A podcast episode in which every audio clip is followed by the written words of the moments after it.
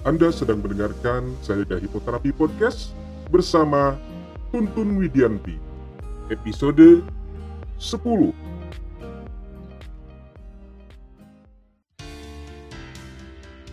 Selamat datang di serial audio podcast bersama Sayaga Hipnoterapi, institusi penyedia layanan hipnoterapi dan konseling profesional di Kota Bandung yang membantu penanganan berbagai masalah kesehatan, emosi, dan perilaku yang mengganggu kualitas hidup. Berpijak pada nasihat luhur, eling, waspada, lan sayaga, serial audio podcast Sayaga Hipnoterapi hadir untuk membantu Anda menata kehidupan yang berkualitas secara fisik, mental, emosional, dan spiritual dengan sikap yang lebih berkesadaran, lebih berwaspada, dan lebih bersiaga. Jumpa lagi bersama saya Tuntun Widianti di audio podcast Sayaga Hipnoterapi. Semoga para keluargian senantiasa dalam keadaan sehat sejahtera, berkelimpahan di mana pun dan kapan pun Anda berada. Pada audio podcast kali ini, saya akan membahas mengenai gangguan tics dan gagap dengan menggunakan teknik hipnoterapi. Para kawargian sayaga, gangguan tics adalah gerakan yang dilakukan oleh seseorang dengan tidak disengaja. Jadi, seseorang tidak dapat mengontrol atau mencegahnya. Nah, tics motorik biasanya ditandai dengan gerakan tubuh, seperti adanya gerakan mengangkat bahu yang dilakukan berkali-kali atau menggeleng-gelengkan kepala atau mungkin mengedip-edipkan mata atau gerakan lainnya. Nah, sedangkan gangguan tics vokal ditandai dengan adanya gangguan dari suara Biasanya tampak seperti orang yang sedang membersihkan tenggorokan atau juga seperti gagap.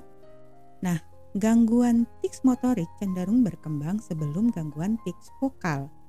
Sedangkan gangguan tics dan gagap ini juga bisa disebut sebagai sindrom Tourette.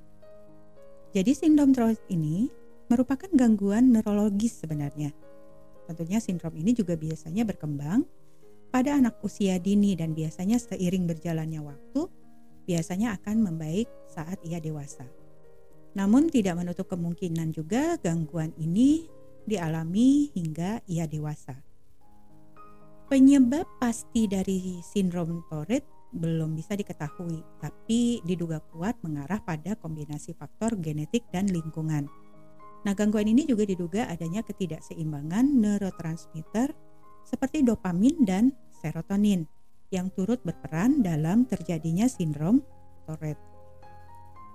Seperti yang kita ketahui bahwa dopamin adalah zat kimia di dalam otak yang bisa meningkatkan kadarnya saat seseorang mengalami sensasi yang menyenangkan. Nah, sedangkan fungsi dari dopamin ini sendiri sangat banyak.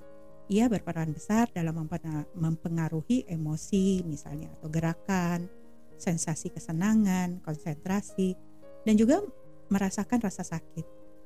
Sedangkan serotonin adalah hormon yang bertugas untuk membawa pesan antar sel dalam otak. Hormon ini berperan penting dalam memperbaiki suasana hati menjadi lebih baik sehingga seseorang menjadi merasa bahagia.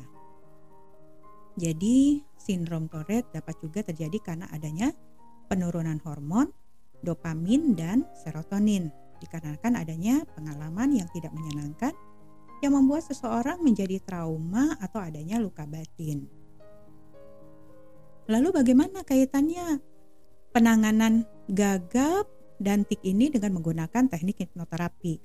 Nah, di sini karena adanya peristiwa luka batin yang melatar belakangi perilaku gagap atau tiknya, maka hipnoterapi dapat digunakan sebagai salah satu teknik penyembuhan. Lalu pertanyaan berikutnya, apakah hipnoterapi ini sifatnya bisa permanen? Dan berapa lama penanganan perilaku gagap ini dengan menggunakan teknik hipnoterapi? Jika sumber masalah di masa lalunya atau sumber trauma batinnya sudah tertangani dengan tuntas, tentunya hipnoterapi akan bersifat permanen. Namun apabila perilaku tersebut terulang lagi, bukan berarti perilakunya menjadi kambuh, bisa saja ia menemui peristiwa baru yang lebih berat yang dari sebelumnya dan membuat ia kembali terluka batinnya. Bisa saja perilaku yang muncul berbeda dengan perilaku sebelumnya. Namun biasanya perilaku yang muncul tidak akan seberat sebelumnya. Karena mentalnya sudah lebih kuat setelah dapat memaknai peristiwa yang terjadi di masa lalu melalui hipnosis.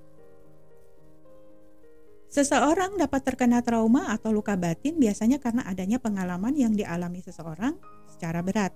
Contohnya, karena adanya pengalaman bullying, seseorang bisa saja dampak ke depannya menjadi tik atau gagap. Seperti pada kasus klien yang pernah saya tangani di ruang praktek saya, awalnya ia dirujuk oleh seorang terapis bicara. Kemudian setelah dilakukan konseling, gagap yang ia hadapi tidak setiap saat, namun pada saat-saat tertentu. Seperti misalnya ia jika ia berhadapan dengan atasannya atau misalnya dengan orang-orang baru. Tapi kalau misalnya dia or dengan orang-orang yang sudah ia kenal, gagap ini tidak muncul. Muncul kalau misalnya ia merasa terdesak atau misalnya sedang dalam kondisi kaget. Nah, lain halnya jika tik atau gagap yang terjadi karena adanya kerusakan saraf yang memang benar-benar perlu adanya penanganan dari dokter ahli saraf sehingga hipnoterapi sebagai upaya penyembuhan tidaklah tepat karena penanganan penyembuhannya perlu adanya penanganan secara medis. Lalu bagaimana cara kerja hipnosis dalam penanganan perilaku tik atau gagap? Esensi dari hipnosis adalah memberikan pengalaman yang memberdayakan sehingga pengalaman yang ada di dalam pikirannya yang semakin menjadi-jadi dan belum terkoreksi dengan benar Melalui hipnosis, seseorang dapat dibimbing dengan mudah untuk memasuki pengalaman yang disimpan di dalam pikiran klien, dan ia akan mulai mencoba mengkoreksinya. Di sana klien akan diajak untuk memaknai secara objektif apa yang terjadi sebenarnya. Dalam proses hipnosis juga dilakukan proses penyaluran emosi yang selama ini belum terekspresikan sehingga akhirnya klien akan lebih mudah untuk memaknai ulang semuanya dengan baik. Nah, demikianlah penjelasan dari saya mengenai gangguan tik dan gagap dengan menggunakan teknik hipnoterapi. Semoga bermanfaat Terima kasih. Salam eling waspada lan sayaga. Serial audio podcast Sayaga Hipnoterapi menghadirkan inspirasi kehidupan yang diintisarikan dari berbagai keilmuan psikologi dan pengembangan diri yang juga diadaptasi dari kisah nyata para individu yang menjalani program terapi dan konseling bersama tim profesional dari Sayaga Hipnoterapi.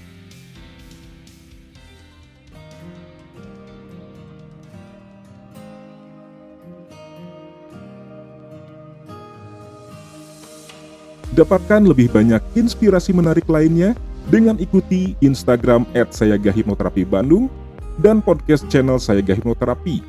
Kunjungi juga website www.hipnoterapibandung.com untuk temukan lebih banyak informasi menarik lainnya, termasuk untuk memesan layanan hipnoterapi dan konseling bersama para tim profesional dari Sayaga Hipnoterapi Bandung untuk membantu Anda menangani berbagai masalah kesehatan, emosi, dan perilaku yang mengganggu kualitas hidup.